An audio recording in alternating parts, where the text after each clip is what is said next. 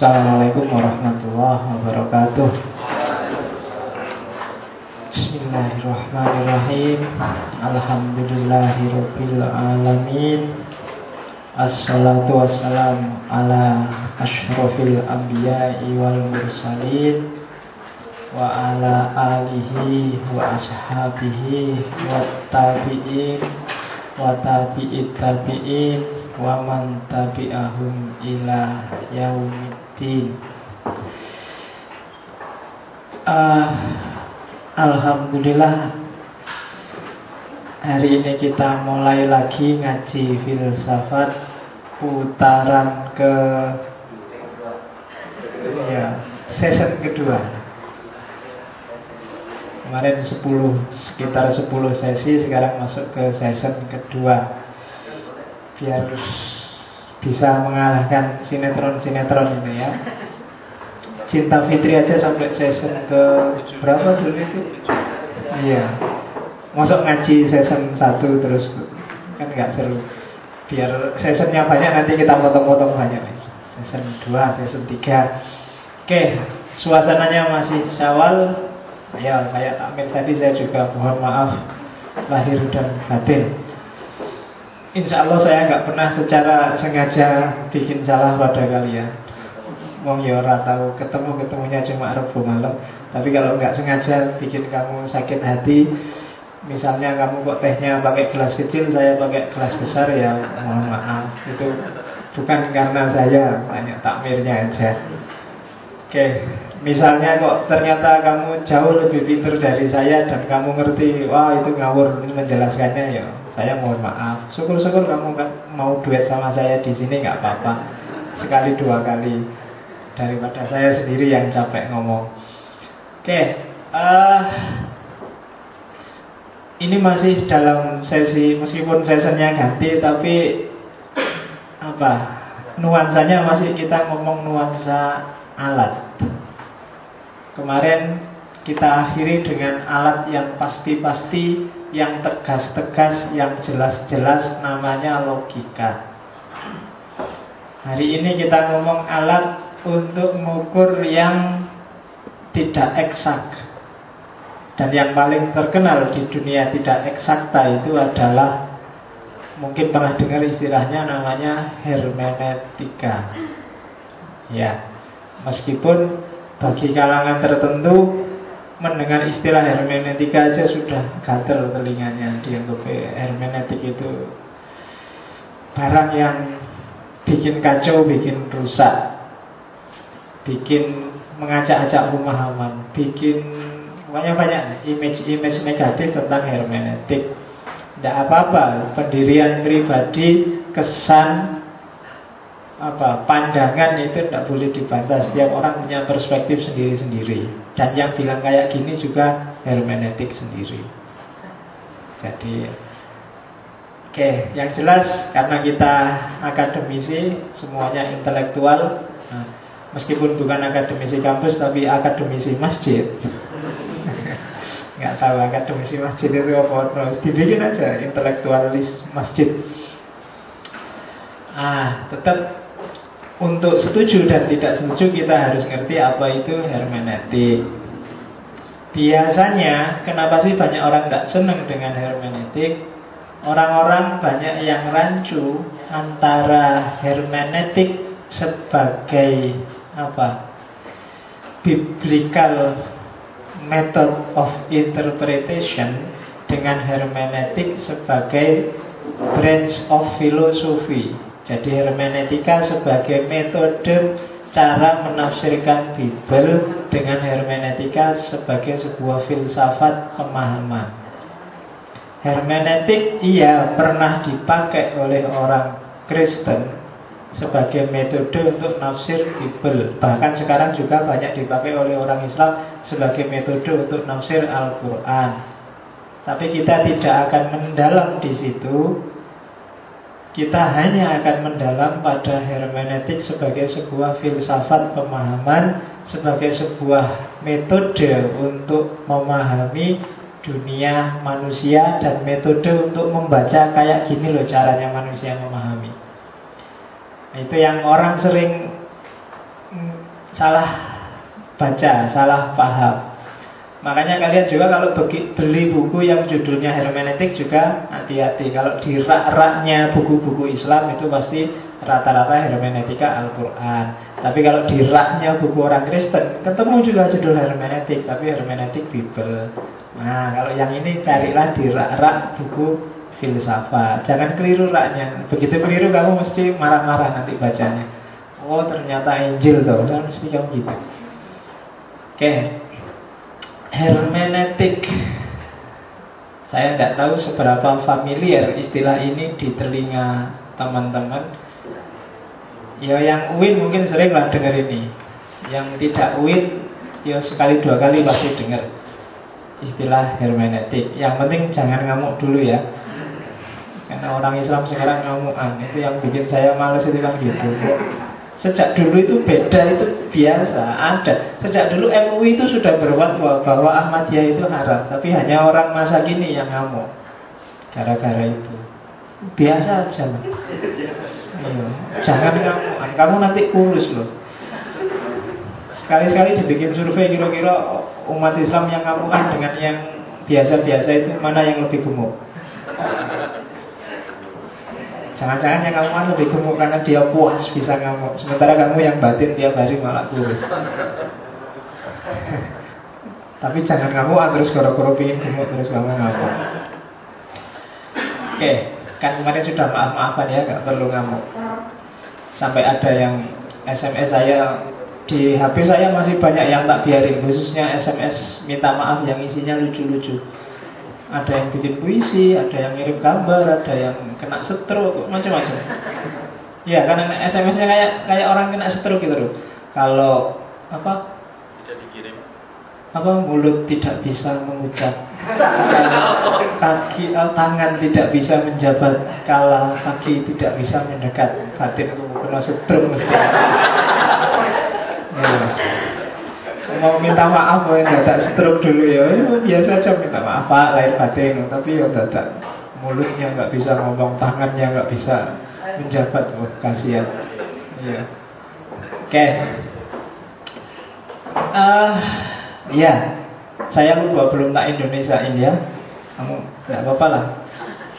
Itu Inggris gampang pak. Jadi hermeneutik. Istilah hermeneutik itu diambil dari seorang dewa Yunani namanya Hermes. Ah itu gambarnya Hermes.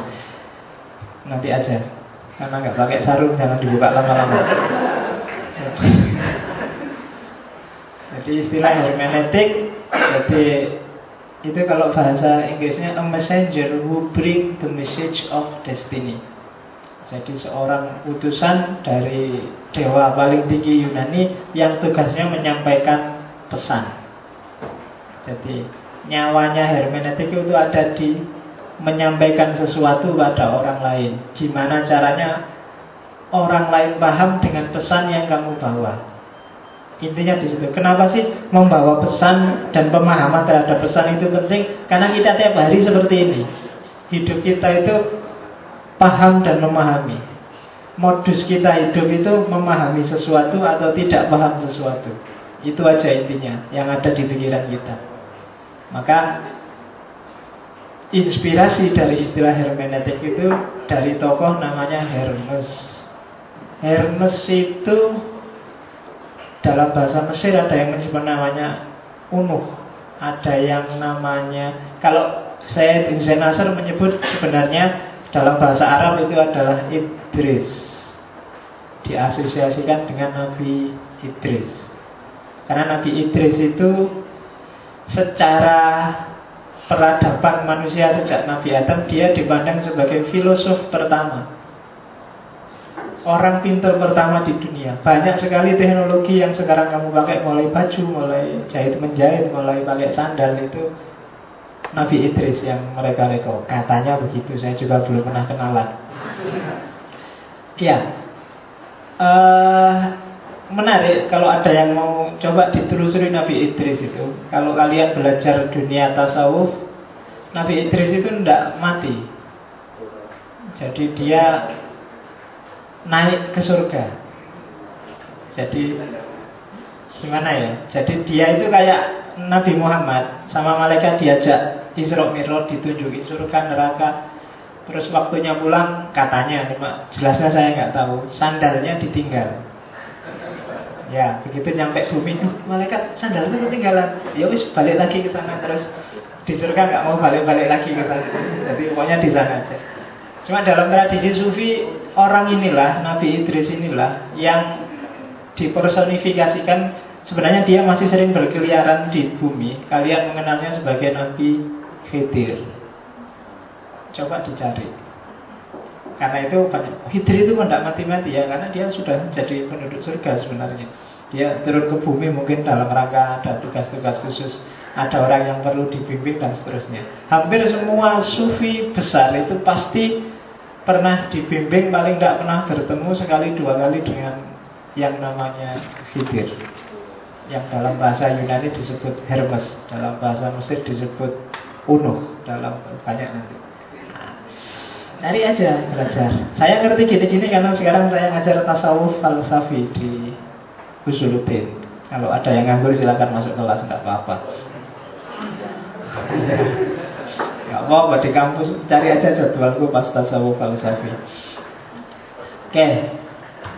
Ya kalau ilustrasinya orang Yunani seperti itu karena digambarkan kakinya harus ada sayapnya biar bisa terbang karena dia menyampaikan pesan ke mana-mana. Itu itu tak tulis di situ komentarnya kelompok Bahai. Bahai itu awalnya sebenarnya kelompok Islam. Ajarannya dianggap menyempal. Terus berdirilah namanya agama baru namanya agama Bahai. Itu kayak Ahmadiyah mungkin Ahmadiyah sudahlah jangan pakai Islam. Kamu kalau kayak gitu berarti agama baru. Nah kalau orang Bahai siapa takut? Ya kalau mau disebut agama baru sebut aja agama baru tidak apa-apa tidak ada masalah cuma nama. Itu Bahai. Sehingga ada agama namanya Bahai. Tokoh Bahai Bahaullah ini termasuk yang concern dengan Hermes Nabi Idris. Katanya Baha'ullah itu Idris itu adalah the first person who devoted himself to philosophy Jadi dia orang pertama yang apa? Menyerahkan dirinya. Orang yang mengabdikan dirinya untuk filsafat Some called him also Hermes Dan seterusnya Itu cuma biar kenal aja dari mana istilah hermeneutik itu Jadi dari Hermes kalau di Yunani, kalau Islam kenalnya Idris. Nanti Syed Hussein Nasr banyak ngomong tentang Hermes dan Idris ini. Oke, kita tinggalkan sejarahnya. Orang pertama sebenarnya yang pakai istilah ini untuk dunia akademik resmi, formal itu Aristoteles. Jadi Aristoteles itu kan yang ngarang logika, tapi juga nulis puitika, tapi juga nulis pokoknya segala cara memahami dirumuskan oleh Aristoteles dalam bukunya yang terkenal namanya Organon. Nah itu di antaranya ada dia juga nulis risalah judulnya Peri Hermenians. Jadi untuk memahami dunia-dunia yang melibatkan bahasa, melibatkan puitika, dan seterusnya. Nanti kamu cari sini. Di internet banyak cuma pakai bahasa Inggris. Tulisannya Aristoteles. Oke. Jadi pada awalnya hermeneutik itu adalah the process of bringing to understanding. Apa sih hermeneutik itu? Proses pemahaman.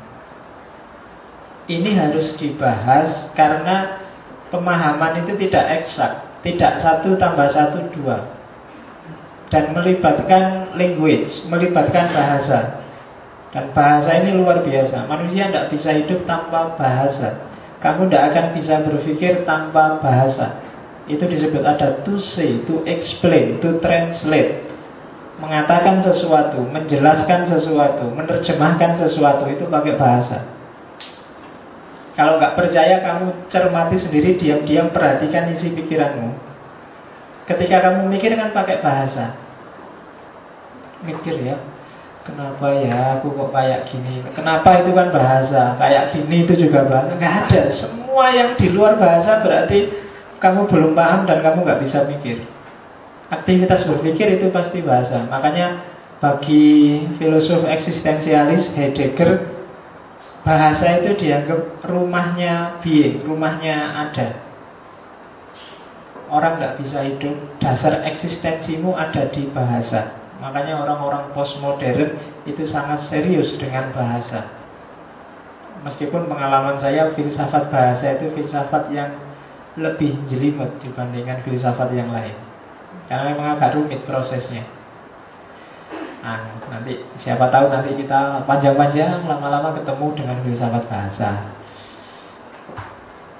Oke, apa sih yang jadi dari zaman klasik sebelum ke sini saya cerita dulu.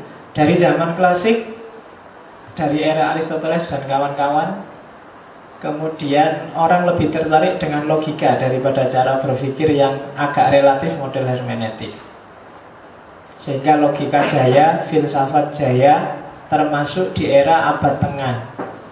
Di era abad tengah ketika agama-agama besar muncul, bahkan agama dan wahyu pun dianalisis pakai logika, sehingga melahirkan namanya teologi. Era tengah habis, datang era modern. Orang modern terlebih lagi sangat terpesona dengan rasionalitas. Dimulai dari dekat dan seterusnya. Sehingga modern melahirkan peradaban saintifik yang luar biasa dengan basis logika dengan melahirkan modernitas yang kamu kenal hingga hari ini bahkan kamu sekolah dan kuliah sampai seperti ini itu sebenarnya kan basisnya logika. Basis pasti. Meskipun ilmumu ilmu usuluddin kah ilmu sosiologi kah antropologi kah sebenarnya basisnya satu logika nah baru di akhir-akhir modernitas ketika ada perkembangan-perkembangan baru, kesadaran-kesadaran baru, orang melirik hermeneutika lagi. Nah, apa aja perkembangan terbarunya? Yang pertama itu teori evolusi. Yo pelopornya Darwin dan kawan-kawan yang bilang bahwa manusia itu asalnya dari kera. Kamu boleh tidak setuju tapi diakui atau tidak di antara semua binatang kita memang paling mirip dengan kera. Kamu nggak perlu ingkar loh. Diakui atau tidak yang mirip loh. Jangan komplain. Ya. Jadi dan itu dibuktikan secara ilmiah oleh Darwin. Mulai bentuk rahang, konstruksi kerangka, tulang-tulang Semuanya itu ya memang mirip. Teori evolusi. Dan meram, teori evolusi ini merambah tidak cuma dunia biologi. Nanti ke mana-mana teori ini jalan. Orang mulai muncul kesadaran progres Bahwa segala sesuatu itu berubah. Tidak statis psikologi akhirnya terpengaruh. Dunia bahkan agama pun terpengaruh. Nanti kamu cari buku-buku banyak evolusi rohani, evolusi spiritual. Itu kan meskipun nggak setuju dengan monyetnya Darwin, tapi kan evolusinya dia setuju. Ya. Jadi pengaruhnya besar. Teori evolusi memunculkan ide bahwa segala sesuatu itu berubah dan berkembang. Dari mungkin dulu dari monyet kecil terus jadi monyet besar terus jadi monyet besar bulunya rontok terus jadi kamu kan gitu logikanya Darwin. Nah, mungkin dalam banyak hal kita juga begitu. Psikologimu kan juga begitu dari anak kecil, anak remaja, remaja dewasa, terus dewasa beneran, terus tua terus. Kanak-kanak lagi. Cara berpikirnya. Orang tua kan kayak anak kecil lagi. Tapi itu evolusi. Berubah. Dulu A kemudian jadi B kemudian jadi C kemudian jadi D. Kan kita begitu. Physically maupun psychologically dulu kamu kecil secara fisik sekarang sudah besar-besar kalau saya konsisten kamu kan enggak harus gede-gede dur-dur. Kalau saya istiqomah. Tidak setuju teori evolusi tidak apa-apa karena aku tidak berevolusi. Oke, jadi ini berpengaruh. Orang muncul kesadaran iya ya, berarti apa-apa itu tidak bisa dengan parameter yang sama karena kemarin mungkin parameter A relevan, sekarang mungkin tidak relevan lagi. Dengan parameter hari ini Jokowi itu luar biasa, tapi empat tahun lagi besok 2019 mungkin nggak luar biasa lagi. Mungkin ada banyak orang yang kayak Jokowi sehingga dia kalau nyalon presiden 2019 bisa nggak jadi. Nah itu bisa kayak gitu. Parameter-parameter manusia selalu berkembang. Dulu kamu senengnya luar biasa dengan Soeharto mungkin Tapi sekarang bencinya luar biasa. Dulu ketika SBY baru muncul kamu SBY pokoknya jos nah, Mungkin gitu. Tapi sekarang ada SBY Presiden kok menyanyi misalnya. Ada ada evolusi pemahaman, ada ada gradasi pemikiran, gradasi pandangan. Nah, itu pandangan terbaru. Bikin orang, iya ya kalau kayak gini apa ya pas? Pakai logika yang satu tambah satu dua. Nah itu orang baru berpikir ke sana. Karena ada progres. Kalau logika kan konstan, konsisten. Selalu begitu. Tapi kok dunia manusia nggak gini ya Yang kedua Sebenarnya agak dekat dengan teori evolusi adalah humanisme Ketika manusia dan segala kepentingannya jadi pusat ini mempengaruhi cara berpikir. Kalau dulu orang berpikir melihat manusia sebagai bagian dari alam semesta. Tapi begitu humanisme, antroposentrisme dibalik sudah. Manusia pusatnya, alam itu untuk kepentingan manusia. Ini yang mencoba dibalik lagi mati-matian oleh kelompok-kelompok ekolog, orang-orang yang peduli lingkungan. Memposisikan manusia hanya sebagai bagian dari alam, dia bukan penguasa alam. Tapi humanisme jadi poros perkembangan modern dan postmodern. Dan ini memicu cara berpikir logika yang Iya ya, logika kayak gitu pas untuk manusia. Oh, manusia itu bisa merekayasa apa saja kok. Kadang-kadang kamu jelas-jelas salah juga bisa kamu atur kalau pakai logika. Ya caranya yang salah tetap benar. Nah, IP-mu jelek aja kamu kan bisa cari seribu satu alasan kalau ditanya. IP jelek bukan jaminan masa depan. Alasannya kan mesti ya, padunya IP mu elek. Nasib kita tidak ditentukan oleh IP itu munculnya belakangan karena kamu duluannya sudah IP-nya jelek. Ya, logika kan itu. Kamu cari-cari argumen, cari-cari alasan yang pas. Yang ketiga sejarah yang kritis. Sejarah kritis itu orang belakangan baru sadar sebenarnya sejarah. Itu diceritakan sejarah itu diungkapkan itu versi yang mengungkapkan. Dan yang mengungkapkan itu biasanya punya kepentingan yang macam-macam. Nggak selalu sama dan nggak selalu baik dan bagus zaman kamu kecil saya dulu kecil itu wajib nonton film G30 SPKI oh itu bencinya setengah mati dengan yang namanya PKI itu karena didoktrinasi luar biasa sejak kecil tentang apa itu PKI. Tapi semakin besar, semakin iya ya, mungkin PKI memang salah dan jelek dan saya nggak setuju, tapi ya nggak segitunya lah. Nah itu kan berubah sudah. Kenapa? Ada kesadaran kritis, ada bagian-bagian dari sejarah yang dilebih-lebihkan, ada yang ditutupi, ada yang dihilangkan dan seterusnya. Kamu sendiri kan cerita sejarahmu kan juga nggak full. Nah itu orangnya baca harus kritis. Bagian yang jelek-jelek mungkin nggak bakal menceritain. Ya kan? Yele kuliahnya lancar pak Ya kan? Kamu seminggu bolos ini telu Gak ditakoni bapak ya lancar pak tenang aja. Untung bapakmu gak ngerti sejarah kritis. Iya. Tenang, ini mesti gitu. Coba dicek dokumen. Ujianmu mana anunya? Coba nonton lembar jawaban ujian nonton baru ngerti. Absenmu berapa? Secara kritis. Ketika orang cerita ketika orang ngomong sesuatu itu biasanya ada yang ditutupi ada yang dilebihkan sesuai kepentingannya sendiri oke dan yang terakhir kesadaran logosentrisme kesadaran logosentris itu kesadaran bahwa setiap orang itu terikat oleh logosnya masing-masing. Logos bisa ada yang mengartikan bahasa, ada yang mengartikan nalar, ada yang mengartikan pola berpikir. Monggo lah, maksudnya sama. Way of thinkingnya, cara berpikir, cara bernalar pola menganalisis itu biasanya kamu sudah sentris. Sentris itu sudah terpola, sudah punya gaya sendiri. Yang setiap orang tidak sama.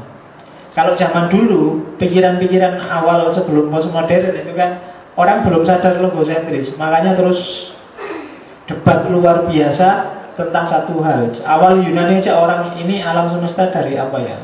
Ada yang bilang dari air, ada yang bilang dari api, ada yang bilang dari empat unsur, macam-macam. Merasa mencari satu yang benar, padahal mungkin semuanya bisa benar. Orang sekarang sadar, oh iya ya ternyata setiap orang, mungkin setiap kelompok orang juga dia punya logos sendiri-sendiri. Logosnya orang Amerika mungkin beda dengan logosnya orang Indonesia. Logosnya mahasiswa UIN mungkin beda dengan logosnya mahasiswa UGM, UNY, UPM, UPN, UPN dan seterusnya. Masing-masing punya cara bernalar yang khas. Sehingga mungkin rasional menurut kelompok A tapi tidak rasional menurut kelompok B. Kalau parameternya logika dan rasionalitas mungkin seperti hari ini, benturan luar biasa. FPI mukulin orang, dia punya rasionalitas sendiri. Dibandingkan mukul yang tidak seberapa, jauh lebih berharga hilangnya kemaksiatan. Logis, ya kan? Kalau kamu kan logikanya terus beda sama dia, ya enggak dong. Kemaksiatan memang harus hilang, tapi caranya nggak boleh gitu dong. Nah kan itu. Masa pakai mukul-mukul, nggak bisa bos selain mukul-mukul logikamu begitu tapi dia punya logika sendiri alam cuma mukul aja besok dipukul kan sudah nggak terasa tapi kan maksiatnya hilang FPI ya kan? Jadi logosentrisme. Setiap orang punya nalar sendiri-sendiri. Yang pacaran sambil kuliah bilangnya loh kalau punya pacar itu mendukung kuliah. Kuliahku lebih semangat lebih itu. Logosnya begitu. Yang nggak punya pacar beda lagi. Ya lah kalau punya pacar ya kuliahnya mesti terganggu lah. Ya kan? Ya. Logosnya beda-beda. Yang rasional, dua-duanya rasional, tapi kamu harus membaca kebalik bahasanya. Orangnya siapa dulu yang oh, pantas dia nggak punya pacar. Bilangnya begitu. Logosnya kayak gitu, kan gitu. Kan di kelas saya sering menyontohkan kan biasanya mahasiswa baru yang baru turun gunung dari pesantren Begitu masuk kota kan bingung luar biasa lihat ke mana Astagfirullah mahasiswa Kaget luar biasa. Apalagi masuk ke sini Wah ada ngaji dulu dulu Ustadz kok tidak pakai kopi? Ya Malah itu luar biasa. Masuk ke sini masih bingung luar biasa. Katanya ngaji. Kok isinya santri ini bodoh makan? Kiai ini nggak makan? Tega sekali. Mana adabnya sama ustadz itu? Ah itu gue mesti bingung luar biasa dia. Kenapa? Logosnya beda sama kita. Dia punya cara berpikir yang beda. Maka perkembangan terbaru memunculkan ada kesadaran logosentris. Wah ini setiap orang nalarnya beda-beda. Cara menanggapi masalah juga beda-beda. Empat ini nanti memicu orang kemudian Iya ya, kira-kira alat apa ya yang bisa membaca yang beda-beda kayak gini ini? Nah, dari perkembangan terbaru tadi lahirlah tiga asumsi besar yang sekarang masih mendominasi dalam tradisi filsafat postmodern.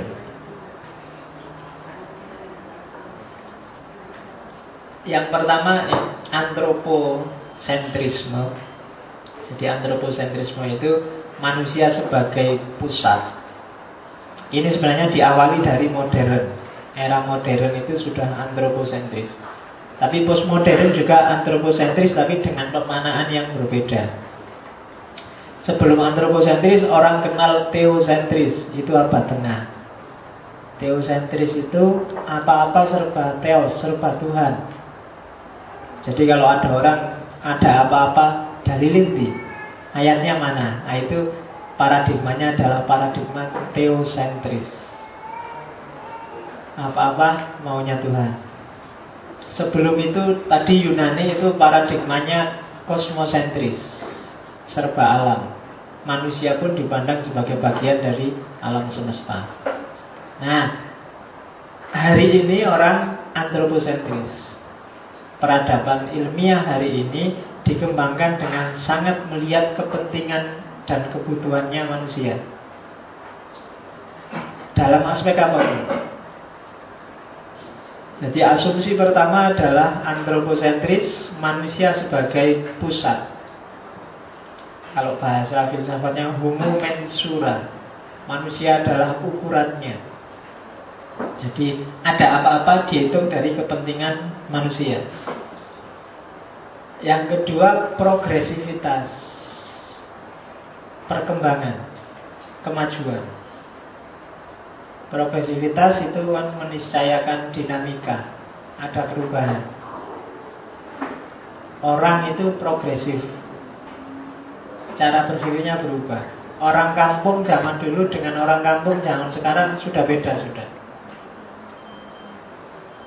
saya baru ngerti KKN. Zaman dulu saya KKN itu begitu masuk kampung, itu orang kampung senengnya luar biasa didatangi mahasiswa-mahasiswa. Semuanya bodoh, nawari mampir, nawari makan, nawari bahkan harusnya bayar living cost sama orang kampungnya udah usah mas ini buat apa kita seneng sudah ada di sini.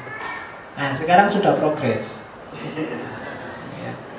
Begitu kamu masuk kampung kan sudah ditanya berani bayar berapa mas?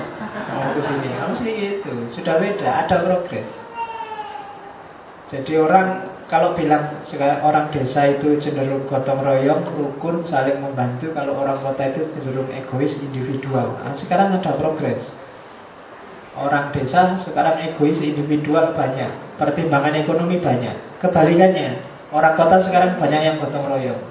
Gotong royong korupsi, gotong royong Ya, jadi saling membantu, saling melindungi. Orang kota kan sekarang gitu. Koncone korupsi ya ditutup-tutupi ya, itu saling membantu. Kayak orang desa zaman dulu.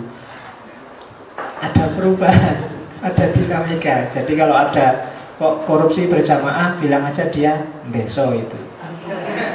Ya kan? Katanya cirinya orang desa kan gitu, rukun, saling membantu. Kalau ada temenmu kok ujian kok saling nyontek, saling bantu itu ciri-ciri orang deso. Katanya desa kan gitu Progresivitas Ada dinamika Terus Macam-macam Hidupmu juga progresif kok Bahkan progresif hitungannya nggak cuma Bulanan, tahunan Kadang mingguan, bahkan harian Kemarin apa, sekarang apa Bisa juga begitu Dan yang merubah apa? Lingkunganmu dan aktivitasmu sendiri setiap hari Dulu kamu terbiasa ngaji itu ya cuma dengerin orang ceramah sampai ngantuk-ngantuk bisa 2-3 jam. Begitu kamu dapat lingkungan, eh ternyata ada ngaji yang di kelas, nyantai, dapat minum, dapat snack. Pikiranmu berubah sudah. Kalau ada ngaji yang cuma dengerin sambil ngantuk, ah males. Pasti gitu. Kalau dulu kamu masih mau yang gitu-gitu sekarang alas. Ada progres. Tidak tahu progres ke arah yang baik atau yang jelek. Tapi pasti ada progres Dan yang terakhir Kesadaran pluralitas Kesadaran bahwa Ya ya orang itu macam-macam Lingkungan itu macam-macam Kondisi itu macam-macam Dan tidak bisa diseragamkan. Zaman dulu orang berusaha menyeragamkan. Pokoknya yang paling benar ini Yang paling benar ini Selalu begitu. Maka para filosof bersaing Dengan teorinya masing-masing. Oh, intinya hidup itu adalah proses sejarah, katanya Hegel. Sementara bagi Descartes, oh intinya hidup itu adalah kesadaran diri yang rasional. Semuanya ingin dianggap benar. Padahal mungkin benar semua, hanya beda perspektif. Belakangan orang sadar terhadap pluralitas. Oh iya ya, orang itu beda-beda. Apalagi ada teknologi informasi yang luar biasa. Kamu jadi ngerti, oh ternyata Hidup itu gak cuma seperti yang tak jalani Masih ada macam-macam alternatif Yang beda-beda Yang gak sama Selera Kesenangan Kesukaan Cara berpikir Cara menanggapi masalah Cara menanggapi persoalan Itu beda-beda Kesadaran pluralitas ini membangun peradaban hari ini kalau kalian dengar isu-isu multikultural, multiperspektif, multidisiplin, multidimensi, itu lahir dari asumsi-asumsi ini. Asumsi dari kesadaran bahwa hidup itu plural, macam-macam. Situasi dan kondisi menentukan. Sejarah hidup masing-masing orang, masing-masing kelompok orang juga menentukan. Dengan tiga asumsi besar ini, nanti lahirlah hermeneutik. Ini nggak saya baca, ini sebenarnya historis ada beberapa tokoh filsafat sebelum lahir hermeneutik modern yang merintis cara berpikir hermeneutik. Misalnya Vico, Spinoza, Luther, Meyer, As, Wolff, Kant, fenomenalisme, Wittgenstein, picture theory, dan language game, dan seterusnya. Yang tertarik silakan baca di buku-buku. Kalau tak jelasin satu-satu, kamu nanti puyeng. Ada saatnya kita ketemu orang-orang itu nanti. Kalau ini sudah sampai season ke berapa ya? Season ke ya 25. Iya, karena saya pokoknya untuk ngaji filsafat saya melangkahnya harus pelan-pelan. Tidak tak sikat di teori-teori besar. Karena begitu saya masuk ke teori besar Kamu pasti puyeng. Apalagi yang basisnya bukan filsafat. Saya tahu problemmu banyak Masa tak tambah problem filsafat? Ya Daripada gak nyantol saya melangkah pelan-pelan. Jadi mulai padahal ini sudah pertemuan ke-10 kan kamu pelan baru Belum tak kenalin teori-teori besar dan tokoh-tokoh besar Menurut saya lebih kita bangun landasan dulu yang kuat. Nanti kalau sudah ketemu, jadi setelah ini kita baru masuk ke metafisika, ontologi, baru tak kasih dasar-dasar. Kalau ini alatnya, jadi pelan-pelan. Ini di skip aja. Nanti ya kan bisa kamu copy ini yang tertarik cari sendiri di buku-buku. Nah, kenapa sih kemudian perkembangan baru dan asumsi-asumsi tadi memunculkan hermeneutika modern. Karena modernitas ketemu namanya anomali-anomali. Anomali-anomali itu kesulitan-kesulitan baru yang tidak bisa dijawab oleh paradigma modern. Yo formalnya di situ saya sebut ilmu-ilmu eksakta, ilmu-ilmu alam itu banyak yang tidak bisa menjawab problemnya manusia.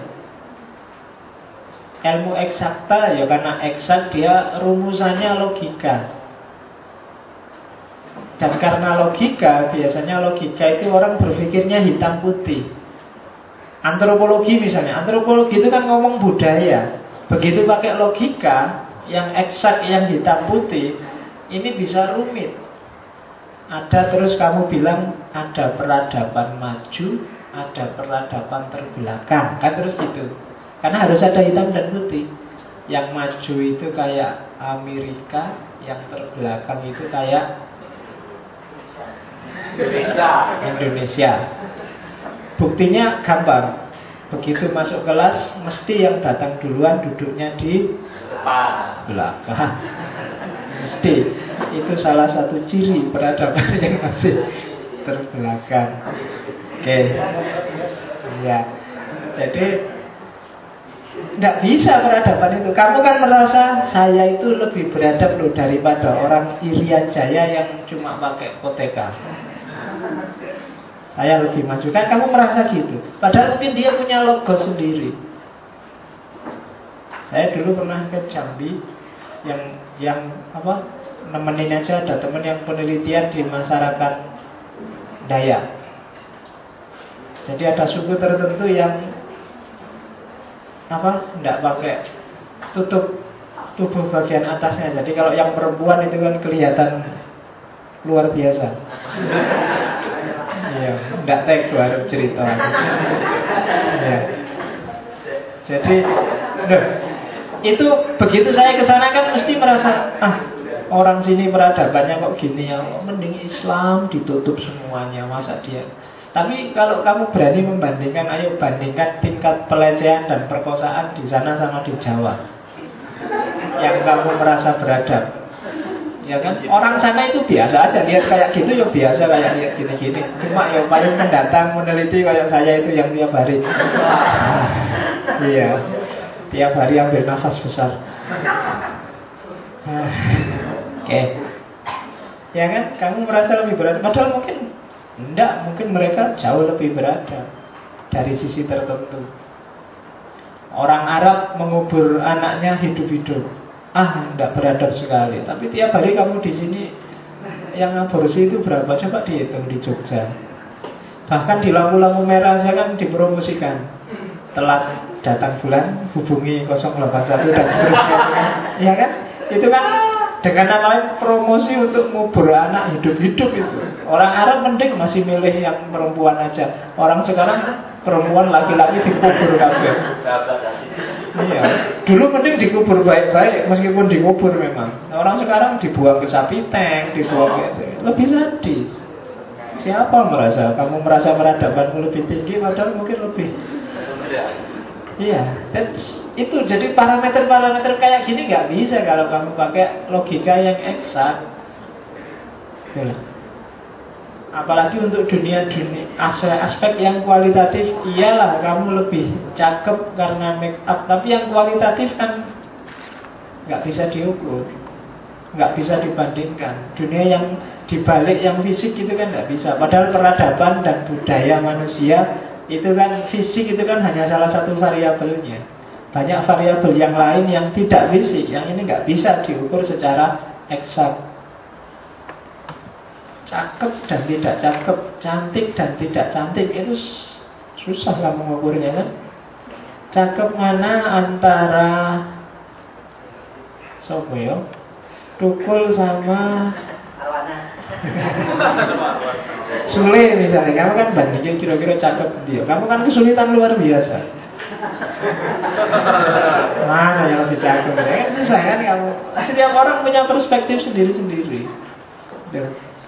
Mungkin pernah tak ceritain kalau di selera tentang perempuan aja orang Asia dengan orang bule dengan orang Afrika itu sudah beda-beda. Kamu kalau lihat bule beneran di depanmu dekat sekali mungkin kamu kan enak ternyata bule kulitnya merah, ya kan? Kamu kayak pergi bule wae. Kamu mungkin nggak seneng dengan kulit-kulit putih merah kayak bule itu. Kamu sukanya kan coklat-coklat sidik lah yang penting. Kan gitu. Orang Afrika juga gitu, lihat kulitmu yang coklat itu mungkin lagi kulit mateng gak mateng, mentah gak mentah. Dia lihatnya yang keren gitu loh, yang hitam, segera gitu. Orang Afrika itu suka kulit yang hitam, tapi hitamnya yang mengkilat. Jadi yang kalau kayak kamu yang kulitnya hitam pas lagi push up, nah itu mengkilat kulitmu. Nah, orang Afrika suka yang gitu ya, bukan bukan hitam yang kusam. Dia suka bibir yang dia nggak seneng bibirnya orang Barat atau orang Indonesia yang merah itu dia nggak suka. Dia malah jijik kalau lihat bibir tipis kok merah itu dia jijik. Dia sukanya bibir itu yang tebel, hitam, radial lah pokoknya. Supaya anti slip. Oke. Iya. Jadi ngomong apa? Ya, dan yang kayak gini-gini kan tidak bisa diukur secara eksakta pakai ilmu, apalagi dibawa ke laboratorium. Ciri-ciri orang cantik adalah tidak bisa. Dan itu yang bikin bingung gimana ya ukur yang kualitatif yang tidak bisa diukur itu, yang sifatnya subjektif masing-masing orang punya selera gaya sendiri-sendiri. Orang Cina itu kalau makan tahu, tahu yang masih enak dia nggak suka, sukanya tahu yang sudah baunya nggak enak itu. Dia senang tahu-tahu yang sudah Aduh Nah itu kan susah kamu membayangkannya ya ya. Kadang-kadang kamu lihat orang irian saya oh, kadang ngambil ular itu ya Dan langsung dimakan. Itu kan susah. Oh. Nah Maka terus orang terus jadi kemurungsung. Apa bahasa Indonesia ini kemurungsung itu?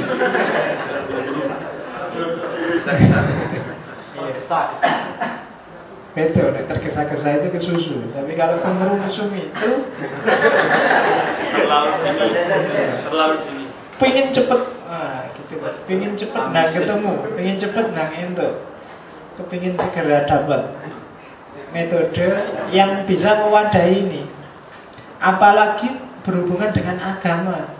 Itu yang bikin tradisi Bible terus senang dengan hermeneutik dan hari ini banyak kelompok tertentu umat Islam juga suka dengan hermeneutik karena agama juga kualitatif sekali.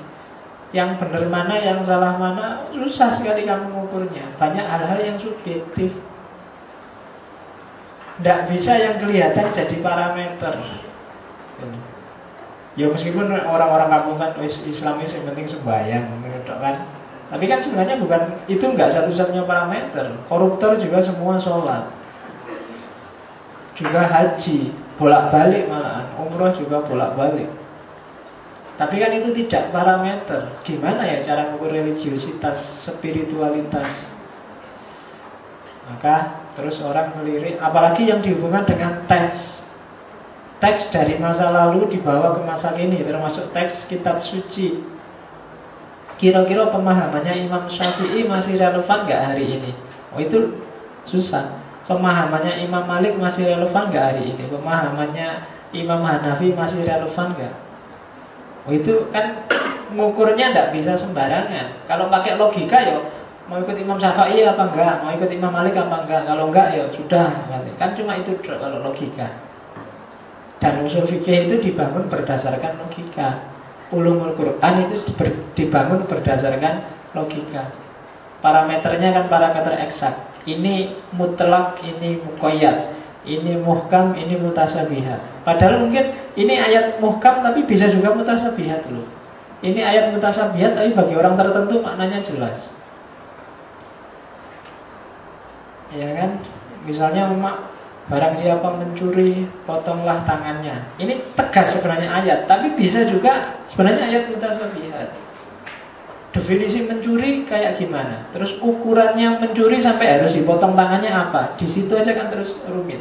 Setiap ulama sudah beda-beda. Apa kalau cuma ada temenmu kamu nyuri kacang satu gini, kacangku mau ambil, potong tangannya.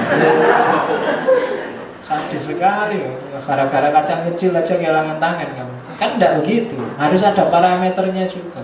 Dan itu kan kalau eksak jadi susah. Parameter tertentu mungkin harusnya koruptor dihukum berapa tahun, jadinya berapa tahun. Itu kan parameter-parameter yang tidak bisa ini eksak. Makanya Joko Susilo ketika difonis 10 tahun kan mungkin secara hukum ya sah sudah difonis 10 tahun. Tapi kan orang terus ngomong ah itu kan tidak memenuhi rasa keadilan. Rasa keadilan itu loh mengukurnya pakai apa terusan? Logika kan nggak bisa pakai rasa keadilan. Saya istrinya empat. Untuk melihat sudah adil apa belum kan pakai logika nggak bisa. Ya pokoknya adil itu kan pokoknya dibagi rata pak Yang satu satu malam, satu malam, satu malam, satu malam Apa roto itu cuma gitu Mungkin yang satu butuh dua malam karena dia masih muda Yang satu ya kan? Kan ada. Lu mungkin istri yang paling tua, alah sudahlah saya sebulan sekali juga tidak apa-apa. Dia sudah terima karena ah, bisa kayak gitu. Dan itu adil, tidak bisa parameter. Dan itu sangat subjektif. Orang lain nggak bisa tahu loh adil dan tidak adilnya. Ya kan? Betul. Memangnya kamu ngerti kok. Oke, pacar yang itu. Ya, jadi Dua kesadaran ini. Jadi ilmu-ilmu kealaman, ilmu-ilmu eksakta yang jadi porosnya dunia modern banyak tidak menjawab persoalan-persoalan kemanusiaan. Ada sih ilmu-ilmu kemanusiaan, ada sosiologi, ada antropologi, ada filsafat, ada psikologi, tapi dibangun secara eksak. Mungkin saya pernah cerita bahwa skripsiku itu filsafat cinta. Di situ saya ngomong ada teori kimia yang ngomong tentang cinta. Jadi membahas cinta dengan sangat eksak.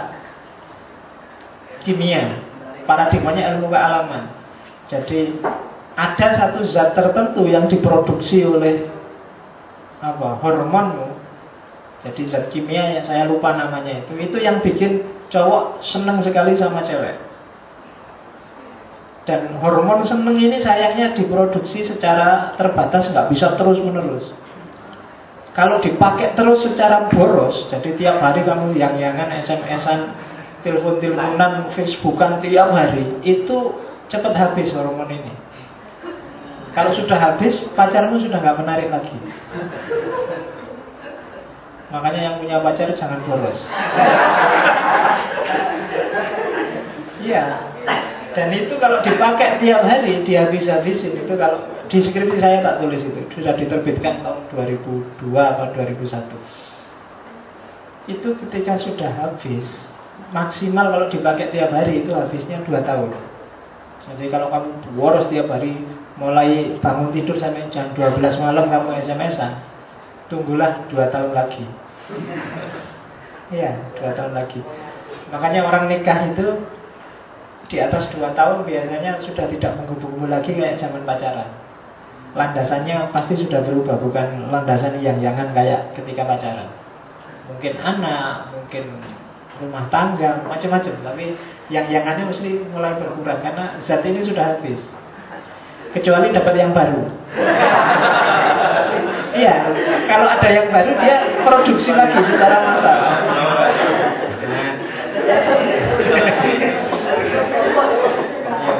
Jadi kalau kamu mau buka cabang alasannya anu biar menggebu-gebu lagi aku tak cari lagi ya nanti kan bisa diproduksi lagi. Oke.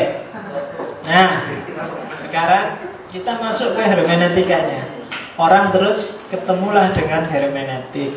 Yang pertama kali disebut bapak hermeneutika modern itu Friedrich Schleiermacher. Nanti kamu cari di buku-buku. Hermeneutik punya asumsi-asumsi. Setiap ilmu itu punya asumsi, setiap teori punya asumsi. Pahami dulu asumsinya biar kamu ngerti apa maunya disiplin itu. Yang pertama, bagi hermeneutik diasumsikan manusia adalah self-interpreting being. Manusia adalah sosok sesuatu yang menafsirkan sendiri dengan sendirinya nafsir. Jadi aktivitas berpikir itu sebenarnya aktivitas memahami dan aktivitas memahami itu sebenarnya aktivitas menafsirkan. Ya. Apa aja? Kamu komentari, baik komentar positif maupun komentar negatif. Baik komentar yang biasa maupun komentar yang luar biasa. Begitu tadi masuk ke sini bawa teh, bawa air putih, bawa kacang. Saya tidak kaget, oh biasa memang tiap hari gitu kok. Tiap saya di sini juga dikasih kayak gini. Nggak ganti, ganti sejak dulu. Nah, komentar kan? Interpretasi. Kamu juga gitu, begitu masuk ke sini. Wah, di kelas atau nggak di masjid. Harusnya kalau ngaji Komentar. Tidak pernah diem kok kepalamu itu Self interpreting apa pun sebenarnya kamu komentari. Yang jadi perhatian kecuali yang tidak kamu perhatiin loh ya. Tapi begitu jadi perhatianmu pasti kamu komentari. Kalau nggak percaya coba apa? Diam aja kita diam aja 5 menit untuk tidak komentari apa-apa. Coba diam ya 5 menit. Ya kan? Kamu komentari mesti di kepalamu bunyi macam-macam sudah. Ngapain sih pakai diam-diam segala? apa sih? Mesti gitu. Jadi kalau saya nggak diam mau apa? Ya macam-macam katanya sih kepalamu. Mesti bunyi kok. Disuruh apa aja mesti bunyi. Jadi dia self interpreting dia tentang apa pun. Hari pertama kuliah dosennya masuk, Allah dosen kok masuk pertemuan pertama kok kosong-kosong dulu apa gimana? Komentar mesti. Seandainya dosennya nggak masuk, kamu juga komentar dosen dibayar males. Ini harusnya semua komentar. Apa wae komentar? Ya cuma ada yang komentarnya diem-diem ada yang terus diungkapkan. Kalau sama dosen ya mesti diem-diem di batin. Kalau berani ngomong hati-hati. Ya kan? Self interpreting apa pun itu. Aktivitas manusia intinya aktivitas berpikirnya makanya itu adalah aktivitas memahami dan menginterpretasi. Dan itu kalau katanya Heidegger Ini sebenarnya dasar eksistensialnya manusia itu interpreting dan understanding. Di luar ini kalau kamu sudah tidak memahami lagi Dan tidak menginterpretasi lagi Maka kamu bukan manusia. Eksistensimu mungkin masih hidup, masih mikir Tapi bukan manusia Orang yang manut saja itu kan berarti orang yang tidak komentar, tidak memahami, tidak interpretasi. Disuruh ke utara ke utara, disuruh ke selatan ke selatan. Itu biasanya bukan human lagi. Tidak, itu bahasa human humanismenya tidak manusiawi. Ya kan? Kayak bebek itu loh, bebek kan bukan manusia. Jadi tinggal ngangkat, yuk ke utara, uh, ke utara, uh, ke selatan kan gitu. Jadi makanya jangan jadi bebek dan jangan jadi penurut, tapi dalam konotasi yang baik. Self interpreting. Yang kedua, nah cara mengomentari tadi bunyinya bisa positif, bisa negatif tadi terbentuk oleh sejarah dan bahasa. Jadi sejarah hidupmu yang bikin kamu tadi komentari dosen kosong kamu anggap bagus apa jelek? Itu pengalamanmu sehari-hari. Mungkin selama ini pengalaman bahwa dosen itu kalau sering masuk biasanya semakin menyebalkan. Jadi habis Nah itu sejarah Pengalamanmu selama ini. Dan bahasa Bahasa itu dekat dengan seluas apa wawasanmu. Semakin banyak kategori-kategori kebahasaan yang kamu kuasai biasanya semakin luas wawasanmu. Semakin banyak hal yang kamu pahami. Itu bahasa.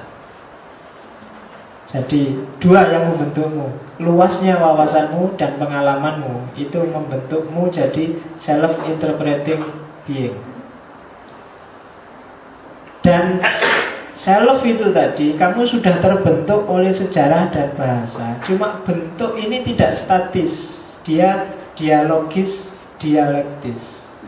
Berubah terus sesuai kamu berdialog dengan siapa, berdialektika dengan apa. Dialektika dengan buku-buku revolusi, buku-buku pemberontakan, buku-buku mungkin hasilnya terus demo. Cara interpretasinya itu dialektika. Kemarin mahasiswa bagus-bagus terpaksa diprovokasi kakak kelasnya terus demo. Nah itu dialektikanya dialektika karena sering dialog dan dialektika dengan takmir masjid ya hasilnya lumayan dapat kacang dapat minum dapat lumayan kan dialektika. Jadi hasil dialektika dengan lingkunganmu dengan keseharianmu itu yang membentuk dirimu. Makanya dalam agama itu kan pokoknya al-walad itu lil abnya jadi anak itu sesuai gambar bapaknya. Kenapa? Karena bapaknya adalah yang berdialektika setiap hari dengan dia. Bapaknya adalah pengalaman sejarahnya dan bapaknya adalah yang ngasih dia wawasan. Maka kayak apa anak biasanya ya kayak gitu bapak. Itu kan ada hadisnya yang kayak gitu. Karena dia pembentuknya. Jadi hati-hati dengan dialektika yang kamu ambil. Hati-hati dengan pengalamanmu yang kamu bilang, yang kamu gak penting dan tidak penting dan hati-hati dengan wawasan yang kamu masukkan di kepalamu Kan saya sering bilang Kalau orang secara guyon ngomong hm, Pikiranmu ngeres mesti Itu sebenarnya tidak guyon itu Pikiranmu ngeres itu berarti apa? Setiap hari Wawasan yang kamu masukkan ke kepalamu adalah wawasan-wawasan ngeres Iya kan? Kalau kamu tiap hari nonton film ngeres Itu maka melihat perempuan Itu ya Meskipun dia ditutupi dan dicadari Yang muncul di kepalamu adalah gambar ngeres Ya kan?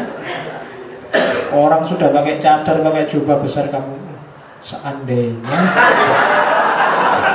Ya kan? Kamu sudah pakai seandainya Berarti pikiranmu tidak beres Ya kan? Iya Oke, hati-hati ya kamu sedang berdialektika dengan file 3GP Hasilnya ya pikiran ngerus itu tadi. Oke Dan ya itu Di Indonesia kan sedang booming yang gitu-gitu. Oke ya Terus itu asumsi tentang manusia. Terus gimana asumsinya tentang dunia Tentang realitas? Realitas Sebenarnya dia berdiri tidak objektif Tapi realitas dunia yang kita tinggali Itu hakikatnya adalah konstruksi mental Yang kita bentuk sendiri dengan perspektif subjektif kita. Lingkungan sekeliling kita, dunia hidup kita Itu tergantung kita. Dunia ini cerah kalau kita berpikir cerah Gambarannya seperti itu dunia ini suram kalau kita berpikirnya suram. Kalau tadi sebelum ngaji kamu nembak terus diterima, Maka begitu ngaji dunia ini cerah. Lampu mati pun tetap cerah. Nggak kebagian kacang tetap cerah. Ya kan? Persepsimu. Tapi kalau tadi mau ngaji kamu nembak dan ditolak Kebalikannya Dunia gelap. Kamu nyampe sini duduk kayak orang nggak sadar. Ya kan? Pokoknya kayak Aduh segala sesuatu nggak ada yang anu sekalipun. Ada kacang banyak kamu nggak tertarik sama sekali dengan kacang. Pokoknya, pokoknya lihat lain ketawa-ketawa kamu merengut sendirian. Kenapa? Karena dunia itu gelap. Padahal sama, realitasnya sama Kenyataan yang dihadapi sama Tapi persepsi konstruksi mental yang kamu bangun bisa beda-beda. Itu dunia. Dan itu penting dalam hermeneutik. Oke, nah terus asumsi yang kelima tentang dunia, pemahaman kita tentang dunia, penerimaan kita terhadap makna yang ada di baliknya ditentukan oleh pengalaman hidup yang kita miliki. Ya kayak tadi loh, pengalaman-pengalamanmu menentukan duniamu, menentukan pemaknaanmu terhadap duniamu. Kamu pernah mengalami apa aja menentukan pemaknaanmu terhadap lingkungan sekelilingmu. Yang terbiasa bersih, kamu akan memaknai kebersihan secara berbeda dengan yang terbiasa lawannya bersihan itu apa? Jorok. Itu beda. Kenapa? Ya karena pengalamannya beda. Pengalaman hidupnya beda-beda. Yang sejak kecil hidup susah pasti beda dengan yang sejak kecil hidup senang. Saya ingin meneliti, nggak tahu ya kok mahasiswa-mahasiswa dari pondok yang nggak pernah keluar, nggak pernah kenal perempuan, begitu jadi mahasiswa dan pacaran, itu biasanya jauh lebih dahsyat daripada anak-anak yang nggak tahu. Kesan saya begitu, oh ya, oh benar harus diteliti itu, ya kan?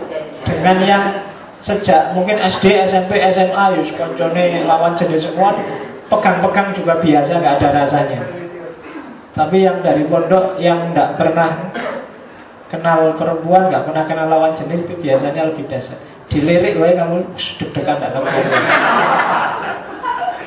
Sementara yang biasanya tiap hari bergaul rapat dengan lawan jenis Disenggol, dipegang biasa aja nggak rasanya tapi yang nggak pernah kenal itu karena dilirik aja sudah Nah itu biasanya kalau pacaran lebih dahsyat. Nah itu kan pengalaman hidup menentukan. Nah itu sekali-sekali coba kamu teliti. Iya. Lumayan. Saya nggak tahu kalau takmir gimana kalau.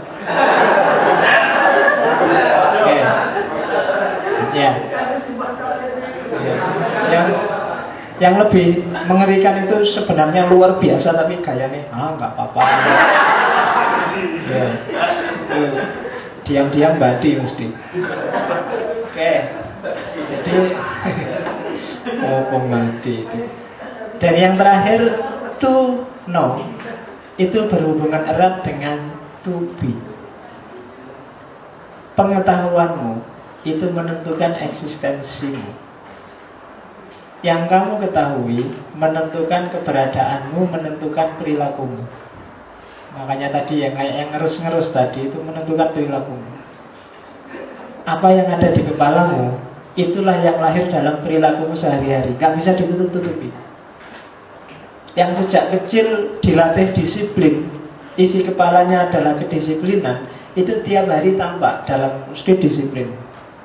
Tapi yang sejak kalau nggak disiplin dia nggak enak. Tapi setelah nggak disiplin nggak enak kok terus diisi dengan wawasan-wawasan baru? Wah nggak disiplin juga nggak apa-apa ternyata nggak ada hukumannya terus. Akan berubah lagi perilakunya. Yang semula nggak enak sekarang halah nggak disiplin biasa aja to know menentukan to be kayak kamu apa sholat misalnya dulu waktu pertama belajar sholat pengetahuanmu tentang sholat masih terbatas maka sholatnya jadi lama Ya kan masih lengkap itu sholat pokoknya takbiratul ikhram, baca doa iftitah. Serius lama sekali kamu lengkap. Pengetahuannya masih terbatas. Tapi begitu kamu semakin pintar, semakin canggih ilmunya, sholatnya semakin cepat. Masih gitu kan? Kamu begitu takbir Allah Akbar. Fatihah. Iftitah. Oh, iftitah itu sunnah. Saya suka. ya kan? Diloncati langsung Fatihah. Baca surat-surat itu sunnah, diloncati. Terus cepet sholatnya. Ya kan? Perilakunya berubah. Know menentukan tubi. Jadi kalau ada orang kok sholatnya lama itu oh pengetahuannya masih terbatas. Jadi besok kamu ajarin dia sholatnya cepat ya, ya pengetahuannya nggak terbatas. Jadi kalau temenmu sholatnya cepat itu bagus, wawasanmu luas ternyata. Oke, jadi to know menentukan to be. Jadi hati-hati dengan informasi, dengan data, dengan wawasan yang kamu masukkan di kepalamu. Ngaji malam ini masukkanlah yang bagus-bagus yang tidak beres tidak beres jangan dimasukkan. Karena tuno menentukan tubi. Oke. Nah terus gimana sih patternnya? Kalau sudah ngerti asumsi-asumsi ini terus gimana? Perhatikanlah ketika memahami sesuatu dari subjektivitas-subjektivitas tadi perhatikan dialektika ketika orang memahami. Jadi ketika terjadi proses pemahaman ada dialektika tiga hal itu. Sebenarnya dua itu sama. Teks author reader, teks konteks, kontekstualisasi. Teks adalah apa yang dibaca, apa yang kamu pahami. Jadi diingat-ingat teks. Kalau di sini tidak selalu sesuatu yang tertulis ada hurufnya, tapi sesuatu yang bisa dipahami. Itu teks. Di balik teks pasti ada konteksnya.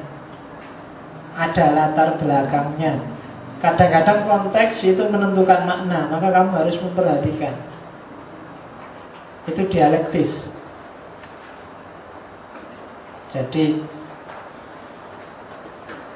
teks yang tak kasih contoh, teks misalnya teks yang tidak tertulis apa?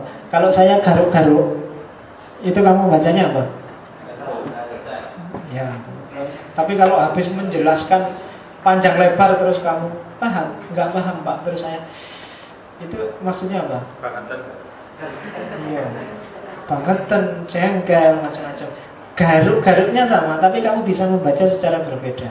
Itulah teks. Kenapa kamu bisa membaca secara beda? Karena kamu ngerti konteksnya. Kenapa kamu ngerti konteksnya? Ya tadi habis jelasin panjang, terus saya garuk-garuk sambil ambil nafas panjang. Oh berarti ini jengkel mesti ya. Oh, tadi bapaknya cerita bahwa dia sudah seminggu tidak mandi, kok garuk-garuk. Oh, mesti rambutnya gatel itu Karena ngerti konteksnya. Kayak tadi tak ceritain ketika ada teman SMS ketika mulut tidak bisa mengucap, tangan tidak bisa menjabat, kaki tidak bisa. Itu kan kalau kamu tidak ngerti konteksnya, kasihan sekali kamu stroke ya. Jangan-jangan kamu balasnya, kamu opname di rumah sakit mana kan gitu. Karena kamu ngerti konteksnya Oh konteksnya Idul Fitri Mungkin dia mau ngasih puisi Mau minta maaf lebaran kan gitu. Karena ngerti konteksnya Ketika konteks itu tidak dibaca Atau kamu salah paham dengan konteks Itu bisa gawat Kadang-kadang konteks justru menjadi penentu makna Dan Oh itu aja kan bisa luar biasa, bisa karena kamu sakit tenggorokan, bisa karena kamu naksir oleh yang duduk sebelahmu, bisa karena kakimu diinjek, pingin yang injek segera sadar, macam-macam deh. Dan itu harus kamu baca dengan konteksnya, jangan salah. Ya kan, temenmu ketawa, tiba-tiba duduk di sebelah ketawa, haha itu dibaca dulu kan. Ini apa ini? Telat minum obat. oh iya kan? Jangan kesusu di komentar. Kok tiba-tiba lihat temanmu nangis, itu kan dicek dulu. Ini nangis seneng, nangis sedih, nangis itu Karena orang seneng sekali kan kadang nangis. Orang sangat sedih juga nangis. Sebelum tahu konteksnya jangan komentar. Begitu lihat temanmu nangis, kamu sabar ya. Memang hidup itu banyak cobaan, banyak ujian. Padahal dia senengnya karena baru lulus, baru wisuda. Kamu suruh sabar malah. Kenapa? Karena tidak ngerti konteksnya. Oke, jadi hati-hati. Apalagi sekarang peradaban Facebook dan Twitter. Ya kan? Posting di Facebook itu hati-hati kamu. Kalau yang baca nggak ngerti konteksnya bisa salah paham. SMS juga begitu. Kalau nggak ngerti konteksnya orang bisa salah paham. Apalagi kamu sekarang SMS ini pakai singkatan-singkatan. Tadi pagi anak mahasiswa Pak saya mau ketemu tapi Bapak susah sekali ketemu itu. Tapi belakangnya yang saya nggak suka Cemut.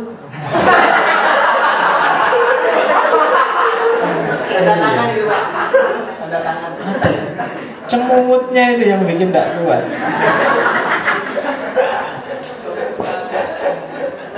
Iya. Nulis aku aja sekarang males cuma dikasih huruf Q Saya sekarang Kalau sudah marah Pak, saya SMS sejak tadi kok tidak dibles. Padahal tulisan cuma dua garis, mau ditulis tidak dibalas. Ini males kamu tuh terima tulis di plus gitu. Kamu tak plus beneran apa ya? Oke. Jadi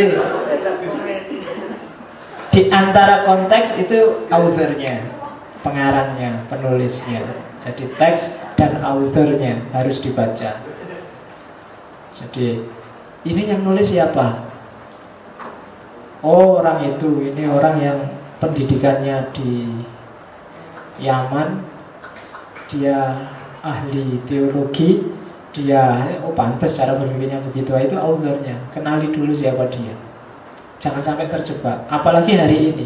Sekarang banyak sekali penulis dadaan yang sumbernya Google.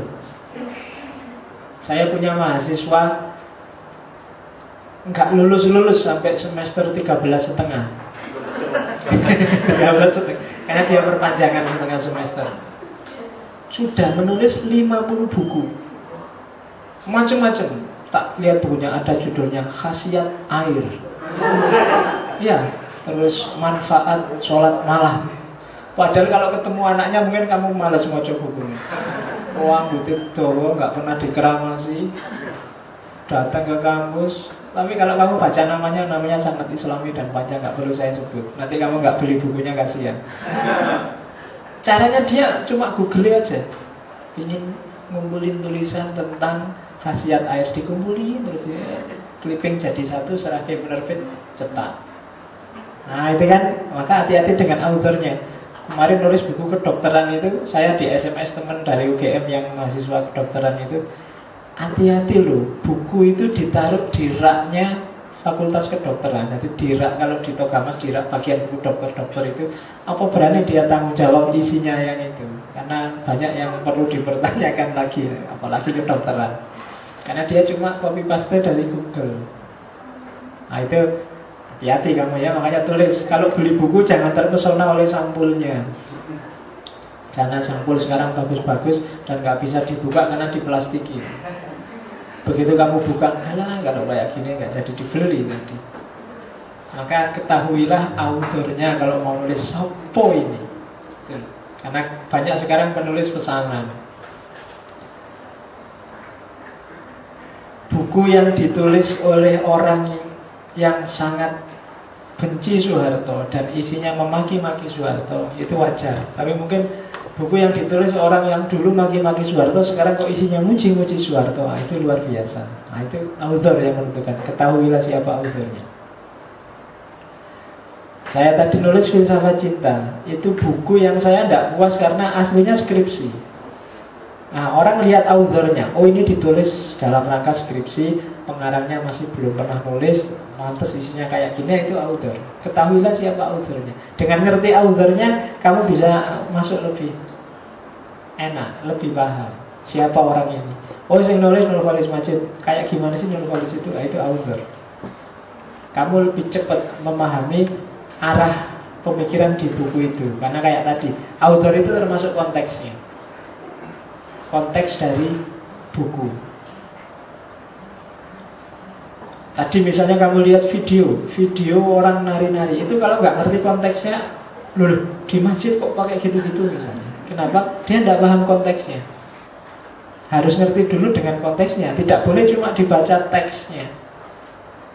Karena teksnya bisa bilang Mbah Surip itu tiap hari bilang I love you full. Tapi kan bukan berarti Mbah Surip terus jatuh cinta padamu. Ada yang basa-basi Gimana kabarnya? Terus kamu GR luar biasa Wah dia perhatian padaku Padahal cuma tanya kabar gitu aja Tapi karena kamu sudah ada rasa Terus jadi merasa dia perhatian Kenapa kamu salah baca konteksnya? Tidak serta-merta orang yang pakai kaos sepak bola Terus dia suka sepak bola Kadang-kadang karena memang dia punyanya itu Oh ya kan Ada orang, uh kaosnya Messi, wah kamu seneng Messi ya? Ya enggak. Dia karena punyanya itu, atau ya dikasih temennya kemarin yang itu. Bukan karena dia suka Messi. Itu gunanya baca konteks. Nah, setelah baca konteks, perhatikan juga biasanya pasti terlibat aspek kontekstualisasi. Kamu sendiri yang memahami itu biasanya intervensi makna di situ. Readernya bahwa konteksnya seperti itu iya, tapi terus kamu maknai apa itu kan kamu yang masuk. Bahwa konteksnya dia cuma bilang apa kabar, tapi bagi kamu itu sudah sebentuk perhatian, berarti dia memperhatikanmu selama ini. Nah, itu kan reader. Itu namanya kontekstualisasi. Reader. Mungkin kamu, mungkin misalnya kamu ingin, ah aku biar perhatian padanya, ah jam 12 malam kamu SMS Gimana kabarnya? Sudah tidur apa belum? Nyenyak nggak tidurnya? Jam 12 malam orangnya. Lah kalau nyenyak tidurnya malah nggak kebaca SMS-nya.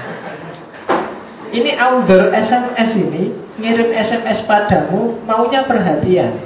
Konteksnya juga dia ingin perhatian. Tapi kan kontekstualisasi reader bisa beda. Jam 12 malam ada SMS dibuka. Hmm, cuma tanya sudah tidur apa belum malah bangunin orang tidur. Malah nesu. Tadi maunya perhatian, hasilnya malah marah. Kenapa? Karena reader menentukan maknanya. Makanya tadi saya bilang, hati-hati kamu posting, hati-hati kamu SMS. Orang bisa salah paham. Kenapa? Karena reader menguasai pemaknaan terakhir di kontekstualisasi. Jadi ada dialektika antara teks, konteks, dan kontekstualisasi. Itu circle, pasti terjadi. Teks harus dibaca karena teks itu jembatan yang paling kelihatan untuk ketemu makna. Konteks harus dilewati karena tanpa konteks orang bisa salah paham. Kontekstualisasi harus dilakukan karena setiap orang pasti menginterpretasi. Disadari apa enggak? Pak, saya ingin objektif Pak, tidak ikut-ikut, tidak bisa. Objektif itu itu kan objeknya yang bicara Pak. Ya Objek bicara tapi kan terus kamu ngomongkan. Dan ketika kamu ngomongkan itu kan berarti sudah versi Pakai bahasamu Pakai logikamu. Makanya Kalau dalam tafsir ada tafsir Saya nggak ikut-ikut Pak. Ini tafsir ayat dengan ayat. Tapi kan yang nyambung ayat A dengan ayat B kan kamu yang bilang bahwa ayat ini ditafsirkan oleh ayat ini kan kamu. Ulama yang lain mungkin ayat ini bukan ayat ini yang tafsir tapi ayat itu. Jadi yang satu-satunya yang cuma ngulang cuma mic dan loudspeaker.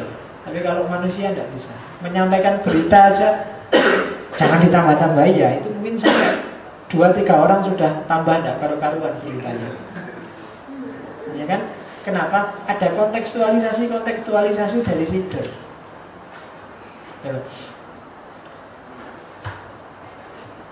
Maka dalam teks dunia yang dibaca, teks itu realitas, teks itu kamu, teks itu dunia yang dibaca, ada tiga dunia. Ada historical word, yaitu dunia di balik teks. Itulah konteks ada literary word dunia di dalam teks. Gramatikalnya, pilihan katanya, makna letterleknya. Ada contemporary words. Dunia di depan teks. Itu maksudnya apa? Readernya. Teks itu mau dipakai apa? Ya kan? Karena kadang-kadang teksnya lurus tapi bisa kok diselewengkan. Ayatnya bagus. Waja'alnakum syu'uba wa qabaila lita'arofu. Kami jadikan bersuku-suku dan berbangsa-bangsa biar saling mengenal, saling memahami. Tapi terus karena kamu reader berkuasa, ayat ini kamu jadikan dalil bahwa pacaran itu boleh. Iya kan? Ta'aruf kamu artikan pacaran. Nah, itu apa? Contemporary word. Kamu menggunakan ayat itu untuk maksudmu sendiri, untuk kontekstualitasmu, untuk dirimu hari ini. Ngajinya seperti ini, konteksnya sudah jelas, maksudnya takmir juga sudah jelas, tapi pemaknaanmu terhadap ngaji malam ini itu pasti beda-beda. Itu kontekstualitasmu. Ada yang memaknainya cari ilmu, ada yang memaknainya cari kacang, ada yang memaknainya daripada nganggur, ada yang memaknainya ngantar pacar, ada yang memaknainya cari pacar, ada yang memaknainya macam-macam. Dan itu kontekstualitasmu. Setiap orang pasti begitu. Jadi digabungkan tadi wawasan dari awal, kalau manusia itu interpreter being, makhluk yang selalu memahami dan menginterpretasi, Sementara interpretasi itu bentuknya kontekstualitas. Dan kontekstualitas itu harus ngecek dulu konteks dan teksnya. Berarti yang ada di kepala kita itu sebenarnya kontekstualitas-kontekstualitas Yang ada di kepala kita itu sebenarnya pemahaman kita tentang sesuatu. Yang punya jarak dengan sesuatu itu apa adanya. Nah gitu. Jadi kalau kamu posting di Facebook kata-kata bijaksana hari ini. Oh, itu kan biasanya kan kalau kamu biar dia ke orang bijaksana. Nah itu itu pemahamanmu terhadap kata-kata itu mungkin beda dengan orang yang pakai kata-kata itu. Misalnya apa kayak piye kabare le?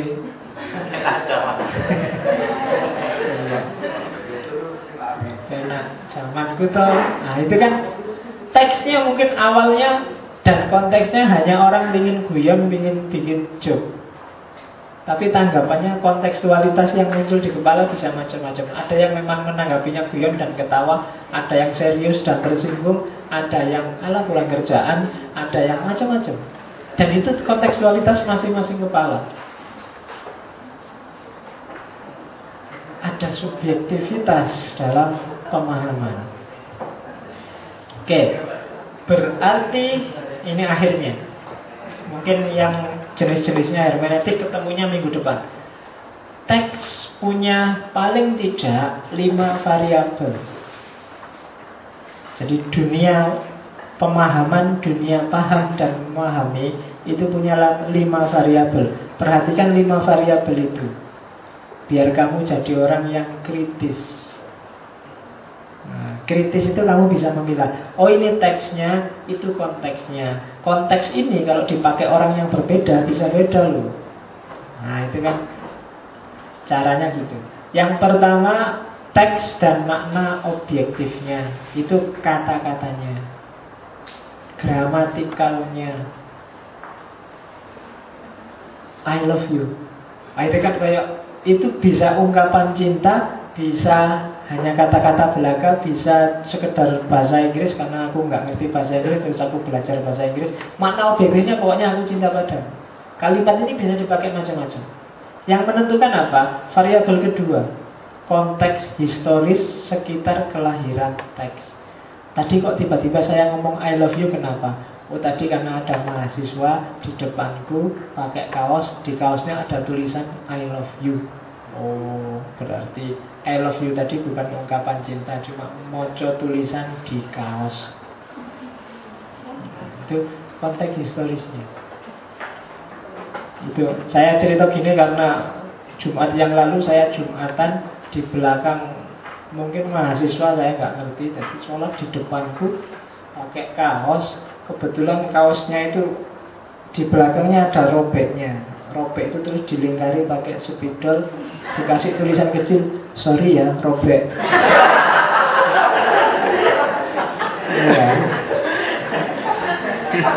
Itu kok dilalah dipakai Jumatan dan depanku lagi kan marahin sembahyang orang Iya. Yesus. Jadi saya nggak ngerti sebelumnya mau sholat tiba-tiba nyelonong deh ada lawang di depan dia dulu. Begitu aku takbir. Jadi dikasih. Sorry ya Robek. Yo, wis waras ngalah. Oke. Terus yang ketiga, konteks biografis pengarang dan kepentingannya memproduksi teks. Jadi siapa sih yang ngarang? Apa kepentingannya memproduksi teks? Apa kepentingannya dia ngomong? Apa kepentingannya dia nulis? Apa kepentingan yang dia lakukan? Itu menentukan maknanya. Terus nanti kita off setengah sepuluh. Konteks biografis pembaca dan kepentingannya membaca teks. Ini menentukan juga. Kalau tadi menentukan maknanya, kalau ini menentukan kalau bahasa hermeneutika signifikasinya. Signifikasi itu teks mau dipakai jadi apa sih? Mau diapain sih teks itu? Konteksnya dan teksnya sih jelas. Lihat mahasiswa sama mahasiswi pacaran. Tapi terus pembacanya ini siapa? Dan apa kepentingannya membaca anak pacaran itu? Mungkin kalau dosen, oh kepentingannya untuk dakwah misalnya. Dia ingin mencari contoh bagaimana mahasiswa masa kini. Atau yang sana kepentingannya ingin apa dan seterusnya. Setiap pembaca menentukan makna. Teksnya bisa sama, konteksnya bisa sama, tapi makna yang lahir bisa beda tergantung pembacanya. Dan yang terakhir variabel juga aplikasi dan implikasi hasil interpretasi. Ketika orang pacaran, saya membaca untuk kepentingan dakwah, yang selanjutnya terjadi mungkin beda. Kalau saya lihat orang pacaran untuk kepentingan kayak FPI itu ingin menghakimi misalnya kan aplikasinya terus beda. Dan itu juga variabel teks. Orang yang membaca Al-Quran dengan kepentingan A cara dia mengaplikasikan hasil bacaannya pasti beda dengan orang yang baca dengan kepentingan B orang yang cara berpikirnya keras misalnya kaku kalau baca Al-Quran dan diaplikasikan pasti keras dan kaku juga sementara yang nyantai cara membaca dan mengaplikasinya juga mungkin nyantai. Kenapa? Karena dia membaca menentukan dan ketika dia punya makna, aplikasinya pasti juga berdasarkan makna itu. Itu variable text. Dan yang terakhir namanya hermeneutical attitude. Kalau sudah ngerti bahwa prosedur pemaknaan individu setiap orang itu coraknya subjektif, maka ada tiga perilaku. Ini attitude, bukan jenis hermeneutik tapi perilaku hermeneutik. Dalam hidupmu kan isinya cuma tiga itu. Kalau nggak suspicious, kalau nggak begitu apologi, kalau nggak begitu recovery. Ada penjelasannya di belakang Cuma bahasa Inggris nggak usah tak baca Tak jelasin aja ya. Kalau tak baca kan Sudah jam setengah sepuluh Paling kamu nanti Angop Eh, angop bahasa Indonesia ini apa? Menguap Ya, menguap. Gak enak ya istilahnya menguap. Dianggap kamu mengeluarkan uap Padahal kan enggak.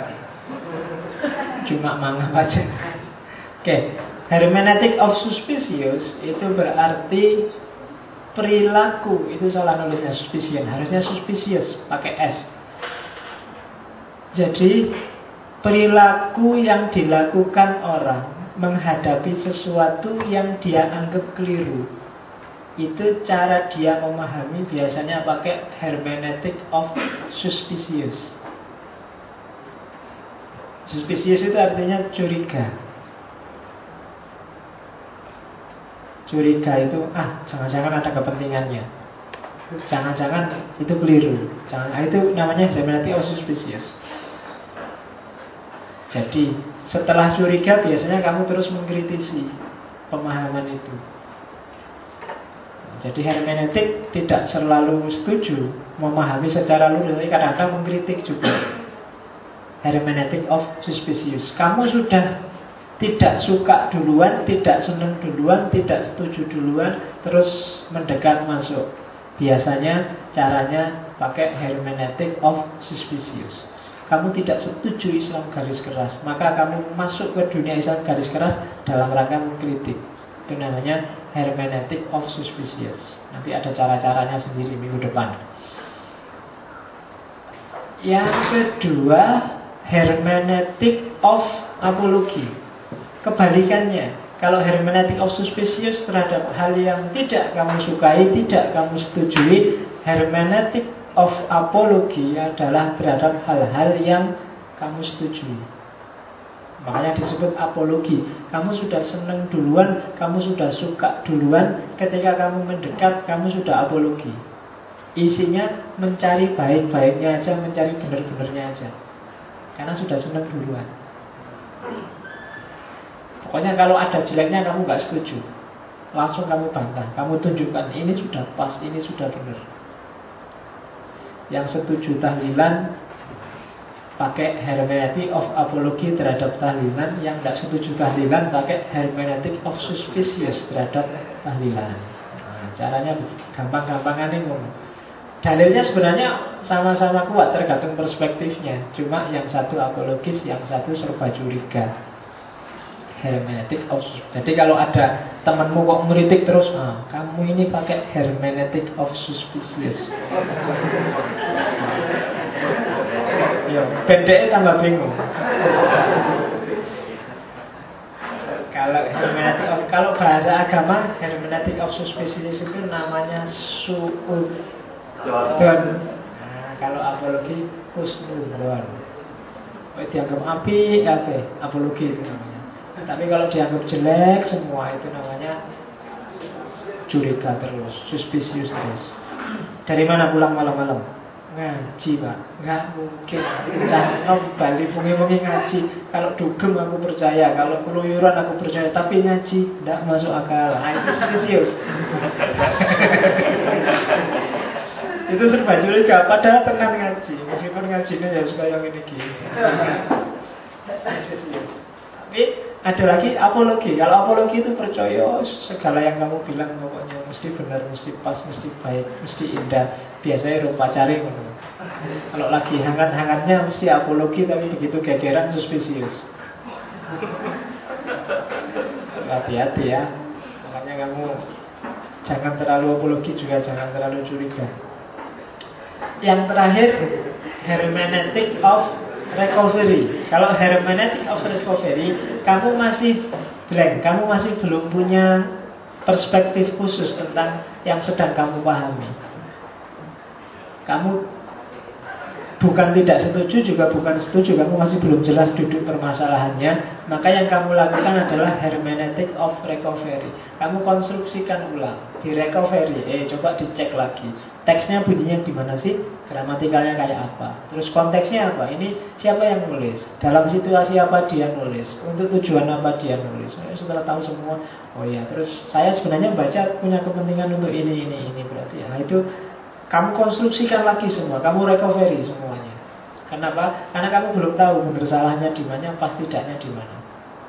Distruktur ulang distrukturasi ulang biar jelas oh kalau permasalahannya kayak gini sih saya setuju nah itu baru itu namanya hermeneutic of recovery jadi kalau besok kamu bikin skripsi bikin tulisan dengan pendekatan hermeneutik itu kamu bisa pakai suspicious bisa pakai apologi bisa pakai recovery meskipun kebanyakan orang pakai recovery biar jelas duduk permasalahannya. Tapi dalam konteks tertentu misalnya agama biasanya orang pakai apologi. Agama itu benar salah dia harus benar. Argumen belakangan. Agama kan gitu. Kamu kan nggak mau agamamu dibilang salah. Kalau agama kok ada salahnya dicari gimana caranya biar tetap benar. Beda sama yang kamu benci, kamu mesti suspicious. Komunisme misalnya, bagi orang Indonesia itu mesti dicurigai. Apalagi yang dicurigai. Yang dianggap mesti jelek. Budaya Barat itu kadang dianggap mesti jelek. Yang tidak suka juga budaya Arab misalnya kadang dianggap mesti jelek. Kayak semua yang berbau Arab jelek, semua yang berbau Barat jelek. Nah itu hermeneutic of suspicious. Ah, kamu Barat-Baratan kan gak enak. Kamu gak mau. Kamu ke Arab-Araban kan gak mau. Hermeneutic of. Ada orang punya jenggot aja. Hmm, Arab ya, Arab di. Oke, kayak saya Idul Fitri kemarin kok dilalah saya pulang itu sini ini habis sakit, jadi habis kena merah-merah itu jadi begitu pulang masih ada bekasnya merah-merah. Begitu pulang merah-merahnya jadi agak hitam sampai rumah. Dulu dulu. Sekarang sudah berubah jadi orang Batuk hitam. Iya, di orang rumah stigmanya kalau sini hitam itu berarti kelompok yang ngamuan itu tadi.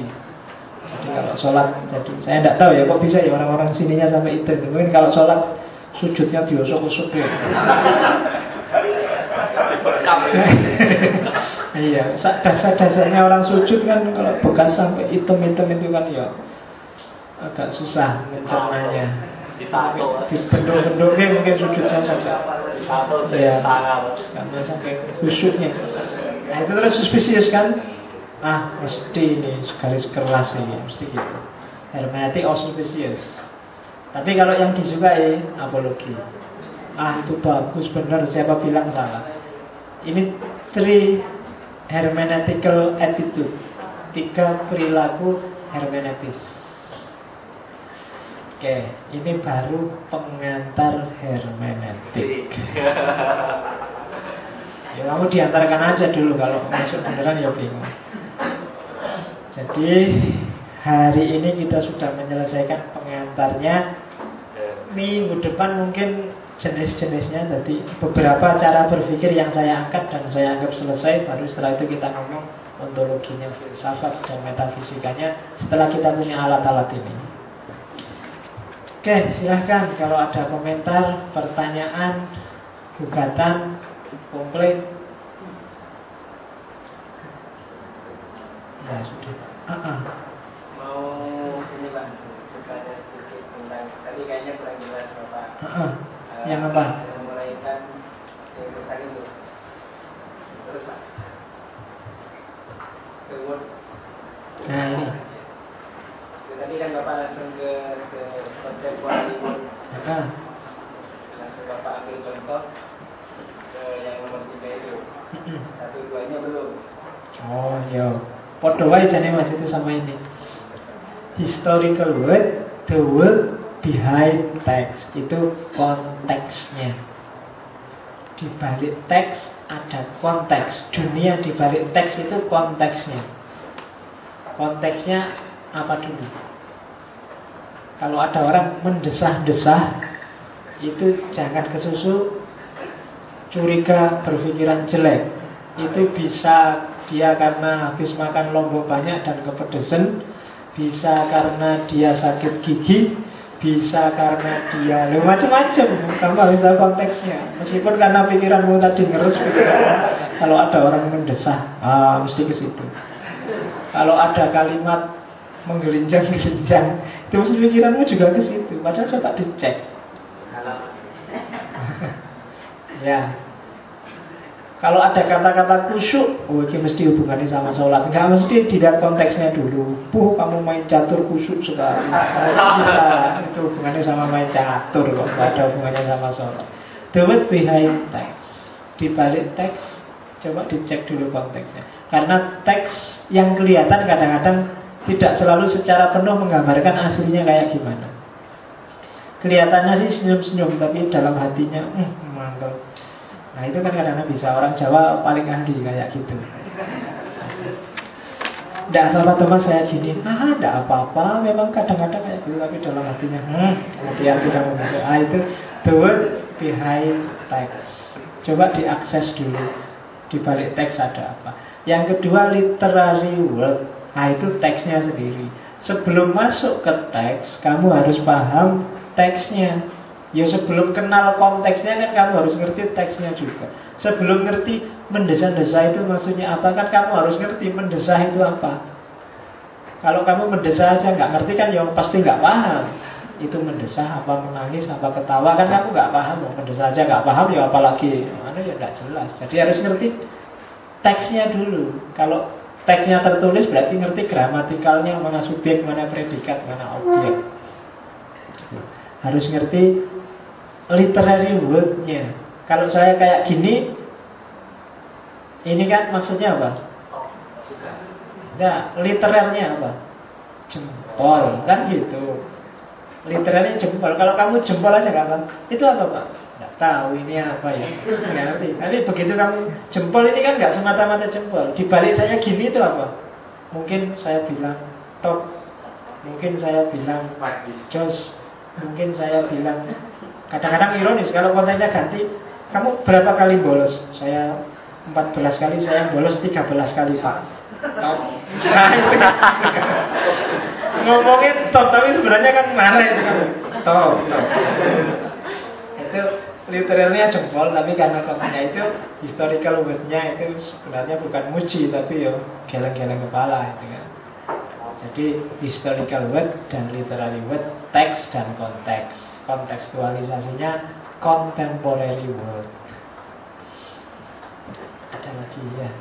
Ah, tadi kan Pak Faiz mengatakan kalau setiap kepala itu berbeda-beda, Pak, subjektif.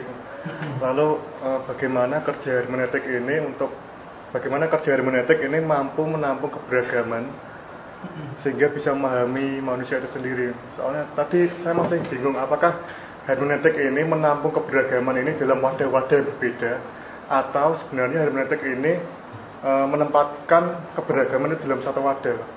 Oke. Beragam itu niscaya. Menempatkan keberagaman berarti bukan menyeragamkan. Tapi memposisikan keberagaman sesuai porsi dan proporsinya masing-masing. Sesuai porsinya. Bukan berarti kamu saya boleh beda kan Pak Iya boleh beda, tapi yang ini nggak proporsional, kamu keliru. Yang ini nggak, berarti kayak gitu. Jadi hermeneutik itu plural, menghargai keragaman. Berarti apa? Dia tidak menyeragamkan, tidak memaksa orang biar sama perspektifnya, tapi untuk hal-hal yang beda tadi dia saling apa? Saling, oh ya, kamu pendapatmu gitu, saya pendapatku gini. Hermeneutik. Karena kamu perspektifnya kayak gitu, hasil pikiranmu gini. Tapi karena saya perspektifnya kayak gini, hasil pikiranku gini. Enaknya gimana? Kamu gitu itu benar nggak sih? Itu dialektika namanya. Untuk menuju progresivitas. Jadi keragaman jangan berusaha untuk apalagi dipaksa untuk diseragamkan. Biarkan Makanya bahasa Indonesia-nya harmoni. Harmoni itu yang beda-beda biarkan beda tapi untuk tujuan bersama. Menuju satu fokus yang sama. Biarkan ada NO, biarkan ada Muhammadiyah, biarkan ada apa lagi Persis, biarkan ada iya Masjid Sudirman, biarkan ada Masjid UIN, semuanya kira-kira mana yang paling benar? Ya, ada. Masing-masing punya strategi, punya parameter sendiri-sendiri. Dan jangan takut terus kalau bahasa filsafatnya ujungnya hermeneutik memang kebenaran itu dalam tanda petik relatif. Relatif itu bukan berarti tidak pasti loh ya. Relatif itu terjemahan pasnya untuk bahasa Indonesia adalah tergantung. Benar salah itu tergantung dari perspektif mana melihatnya. Makanya kalau bahasa Inggris kata relatif itu dia nggak pernah sendirian, pasti relatif to. Relatif to apa? Indonesia ini maju kalau dilihat apanya dulu. dia mundur kalau dilihat apanya dulu. Maka majunya Indonesia itu sesuatu yang relatif. Jadi beda-beda, iya. Nah kalau beda-beda terus relatif pak, iya.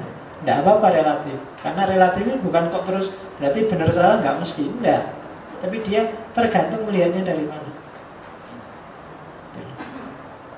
Mungkin ngaji ini kalau dilihat dari mana ya?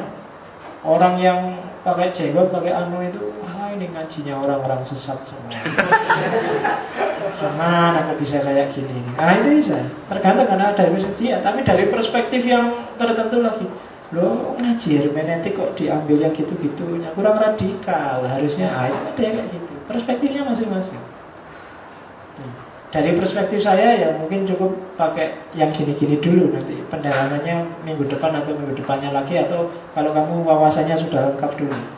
Tapi bagi yang lain, ah ini ritmenya terlalu lambat, Pak. Saya sudah baca 30 buku tentang hermeneutik. Kalau mulainya cuma dari sini ya mungkin bisa kayak gitu. Setiap orang punya punya progres tadi, ada pluralitas, ada progresivitas. Maka biarkan keragaman itu. Mau diwadahi, ya wadahi aja kalau bisa. Ya kan, misalnya kamu wadahi, ayo kita bareng-bareng memutuskan sesuatu dengan perspektif masing-masing. Kalau untuk dunia sosial kadang-kadang butuh itu. Butuh, oke okay deh, kita memang beda-beda, tapi harus ada yang kita sepakati bersama. Nanti nanti di jenis-jenis hermeneutik nanti ada. Jadi ada yang Ya memang macam-macam, tapi begitu masuk level sosial harus ada yang diputuskan dong, nggak bisa relatif ini. Kita mau ngaji apa enggak? Yang satu ngaji, yang satu enggak ngaji, yang satu ngaji, itu kan bingung kan? Harus ada. Oke, ngaji enggak? Oke, disepakati ya ngaji. Maka ya itu ranahnya sudah beda lagi, bukan ranah pemahaman lagi, tapi sudah ranah sosial. Maka sebenarnya untuk mewadahi pluralitas itu bukan dengan menyeragamkan pluralitas, tapi dengan manajemen sosial. Gimana caranya sosialitas individualitas yang beda-beda itu bisa dimanage secara bagus sehingga tidak bentrok. Tapi setiap orang masih bisa mengekspresikan individualitasnya. Nah, itu yang agak susah. Itu tugasnya sosiologi agama sebenarnya. Sir. Sosiologi jelas ya, sir. Jadi harus masuk ke tugas berat bagi sosiologi agama menurut saya. Kalau ini kan cuma menjelaskan bahwa orang itu beda. Ayo terus gimana manajemen perbedaan itu. Itu yang agak berat. Kayak masjid ini kan mesti setiap takmir, setiap kepala, setiap jamaah punya persepsi sendiri-sendiri. Dan menyatukan itu, memanage yang beda-beda sehingga semua puas itu kan nggak gampang itu. Kuncinya ada di situ. Nanti yang bahas ini sebenarnya Habermas di filsafat komunikasi. Kalau di hermeneutik itu masuk jenis hermeneutika kritis. Nanti ketemu juga dia bermas. Semoga minggu depan kita ketemu dikit-dikit dengan beliau-beliau al-mukarram para filosof itu. Amin, ya. amin, amin. Uh, jadi pelan-pelan. Yang penting hari ini adalah ini ada kesadaran antroposentis, kesadaran progresivitas dan kesadaran pluralitas. Kemudian perhatikan triadik-triadik itu dalam proses pemahaman. Jadi besok kalau kamu bikin skripsi dengan pendekatan hermeneutik, objek yang kamu kaji lihatlah bagian teksnya apa, konteksnya apa, kemudian kontekstualisasimu. Kontekstualisasimu berarti teori yang kamu pakai apa untuk membaca. Itu biasanya pendekatan hermeneutik. Orang Jawa buang tumpeng ke laut. Teksnya apa? Konteksnya kenapa kok dia sampai buang tumpeng? nalar dia apa yang dipakai nah terus kamu boleh masuk pakai teorimu sendiri karena kamu reader. Itu kontekstualisasi namanya. Mungkin kamu masuknya pakai ayat mungkin kamu masuknya pakai teori budaya teori sosial itu sudah kamu. Itu biasanya skripsi dengan perspektif hermeneutik.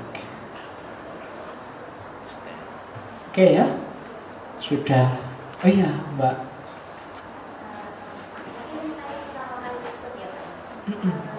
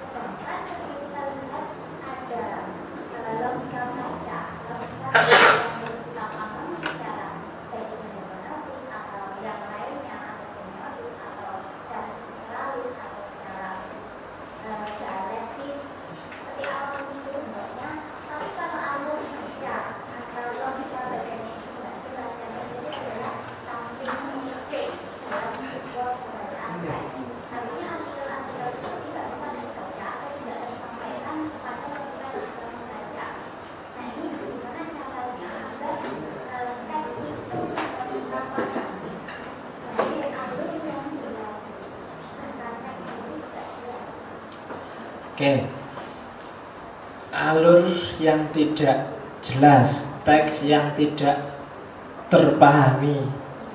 Pertama, kalau berdasarkan hermeneutik ini, pertama minta tolonglah pada konteksnya. Konteks itu mana tadi? Historical word yang ada behind the text. Jadi Siapa sih yang nulis itu? Tujuan tulisan ini apa? Visi yang dibawa oleh tulisan ini apa? Itu akan sangat membantu caramu membaca teks. Kadang-kadang alurnya jelas pun kalau kamu nggak tegas bener, ini yang nulis siapa dengan visi apa? Kadang-kadang kamu salah paham terhadap teks. Itu kalau gayanya hermeneutik. Kalau gayanya semiotik itu biasanya dilihat penanda dan petandanya. Jadi dilihat ini simbol-simbolnya dari mana, dengan makna apa, referensinya ke mana. Itu biasanya orang-orang semiotik, caranya begitu. Kalau apalagi semiotik, hermeneutik, apalagi ya yang kamu sebut? Kal eh? Kalau eksistensialis beda lagi. Kalau eksistensialis itu kamu sebagai reader gimana caranya kamu membaca teks agar teks itu menunjang mendukung eksistensimu keberadaan dirimu itu panjang lagi kalau eksistensialis jadi Jangan terpaku pada yang tertulis. Itu maunya hermeneutik, maunya semiotik, maunya eksistensial. Kecuali kamu orang sastra yang mungkin pendekatannya cuma gramatikal, itu kamu pontang panting. Biasanya. Karena kalau berdasarkan tertulis saja kadang-kadang orang bingung. Ini janjane ngomong apa. Kayak orang Jawa Timur itu, ketemu meso, seneng meso, sumpah meso, itu kan tidak karu-karuan begini. Iya kan? Saya bulan apa itu ke Surabaya main ke teman-teman diajak ke forum sastra. Ngomongnya tidak karu-karuan. Lomba baca puisi bolak-balik misu bahkan ada puisi itu yang judulnya panjang sampai hampir lima kalimat isinya cuma satu kata ya judulnya itu itu laki-laki ditinggalkan istri malam-malam dingin hujan-hujan banyak angin. Banyak katanya isinya sih cok cok judulnya bisa lima baris isi puisinya cuma sak baris iya. itu kan membacanya Rodo, itu kalau nggak ngerti konteksnya mesti kamu men... Aduh, itu bingung Nomor aja